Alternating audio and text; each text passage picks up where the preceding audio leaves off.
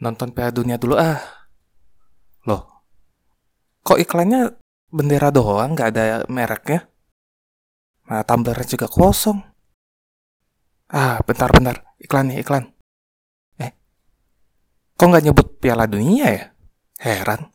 Piala Dunia sekarang kok gini amat ya?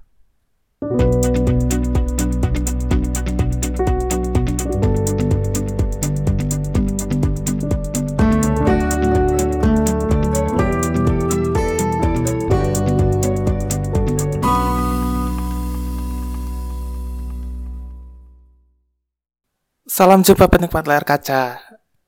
Mungkin bagi sebagian dari kita, melihat iklan Piala Dunia seperti saat ini memang kesannya agak aneh dan kurang lazim ya. Tenang aja, kamu nggak sendirian kok. Aku juga merasakan hal sama.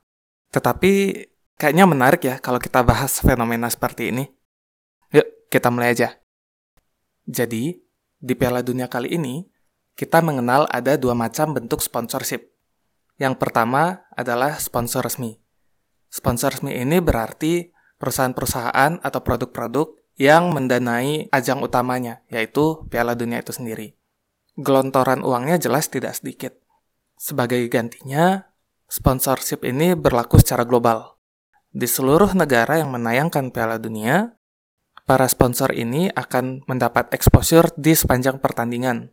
Yang paling sederhana ya tentu saja kita bisa melihat merek-merek seperti Budweiser, McDonald's, Vivo di pinggir lapangan.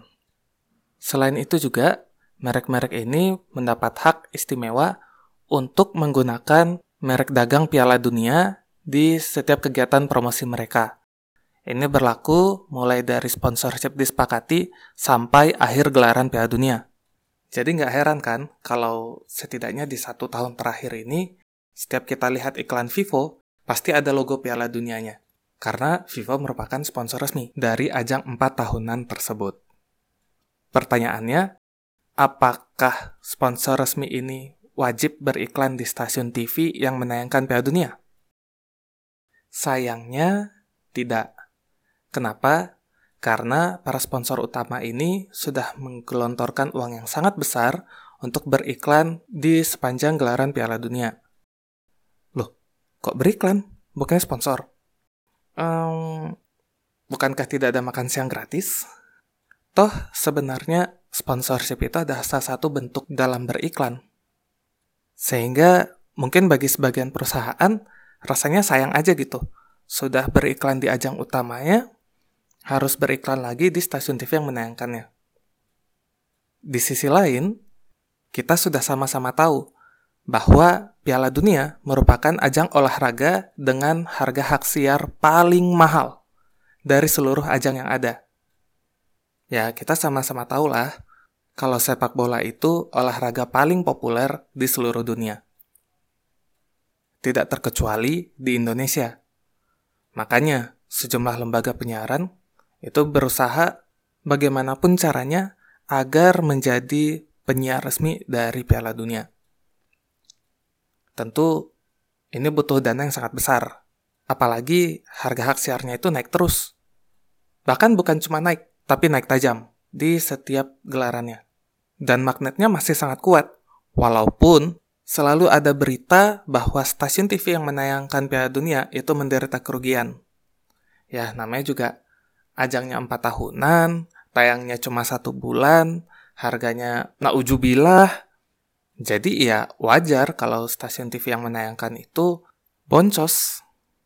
Terus bagaimana caranya agar stasiun TV tetap bisa dapat keuntungan walaupun sudah membayar hak siar yang sangat mahal untuk menayangkan Piala Dunia?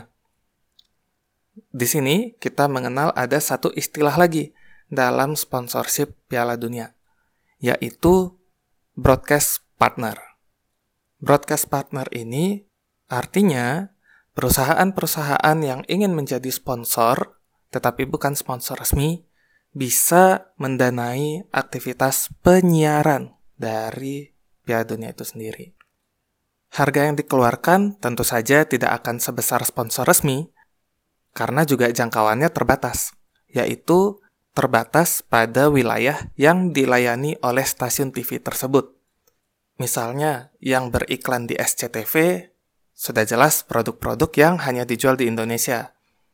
Hal ini juga berlaku untuk broadcast partner di negara lain. Kekurangannya ya tentu saja ada, yaitu para broadcast partner ini tidak diperkenankan untuk menggunakan merek-merek Piala Dunia. Makanya kita sering mendengar istilah pesta bola dunia, laga bola dunia, pesta bola, dan lain-lainnya. Selain itu, para broadcast partner itu tidak boleh memunculkan produknya di tayangan utama Piala Dunia. Kenapa? Karena untuk tayangan utamanya itu menjadi hak bagi sponsor resmi untuk beriklan. Ini juga sekaligus untuk mengantisipasi munculnya dua produk yang berbeda di bidang yang sama. Ya, nggak lucu kan kalau misalnya kita melihat logo Visa dan GoPay di layar yang sama. Lah, terus kalau tidak boleh beriklan di sepanjang pertandingan, ngapain juga capek-capek jadi sponsor siaran ya? Uh, sabar dulu. FIFA biasanya sudah mengantisipasi agar stasiun TV yang menayangkan pertandingan itu tetap bisa mendapatkan pemasukan dari iklan. Caranya gimana? Perhatikan deh, antara pertandingan yang satu dengan pertandingan yang lain, itu pasti ada jeda setidaknya satu jam.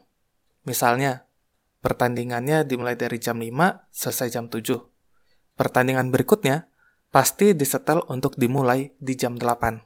Tidak buru-buru langsung dimulai di jam 7 atau setengah 8. Pengaturan jadwal seperti itu memberi kesempatan bagi stasiun TV yang menayangkan Piala Dunia untuk mengeruk pemasukan dari sponsor siaran mereka. Setidaknya stasiun TV punya setengah jam lah yang bisa diisi dengan acara in-house mereka. Yang mana ini tidak termasuk dalam kontrak hak siar mereka dengan FIFA. Untuk mengisinya ya bebas aja sih. Apakah dengan informasi sepak bola atau dengan kuis. Karena ini tidak diatur oleh FIFA, maka bebas-bebas aja stasiun TV-nya mau bikin apa. Mau bikin segmennya satu menit, iklannya 10 menit juga nggak masalah kok. Itu hak mereka. Yang diatur ya seperti yang udah disebut tadi, penggunaan merek Piala Dunia FIFA itu tidak boleh. Makanya, yang muncul pasti nama lain kan?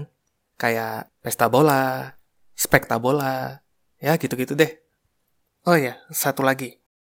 Sponsor resmi ini juga mendapatkan slot iklan dari FIFA untuk ditayangkan di tayangan utama dari pertandingan Piala Dunia itu sendiri. Tentunya produk yang bisa diiklankan akan menyesuaikan dengan ketersediaan maupun regulasi iklan yang berlaku di negara masing-masing.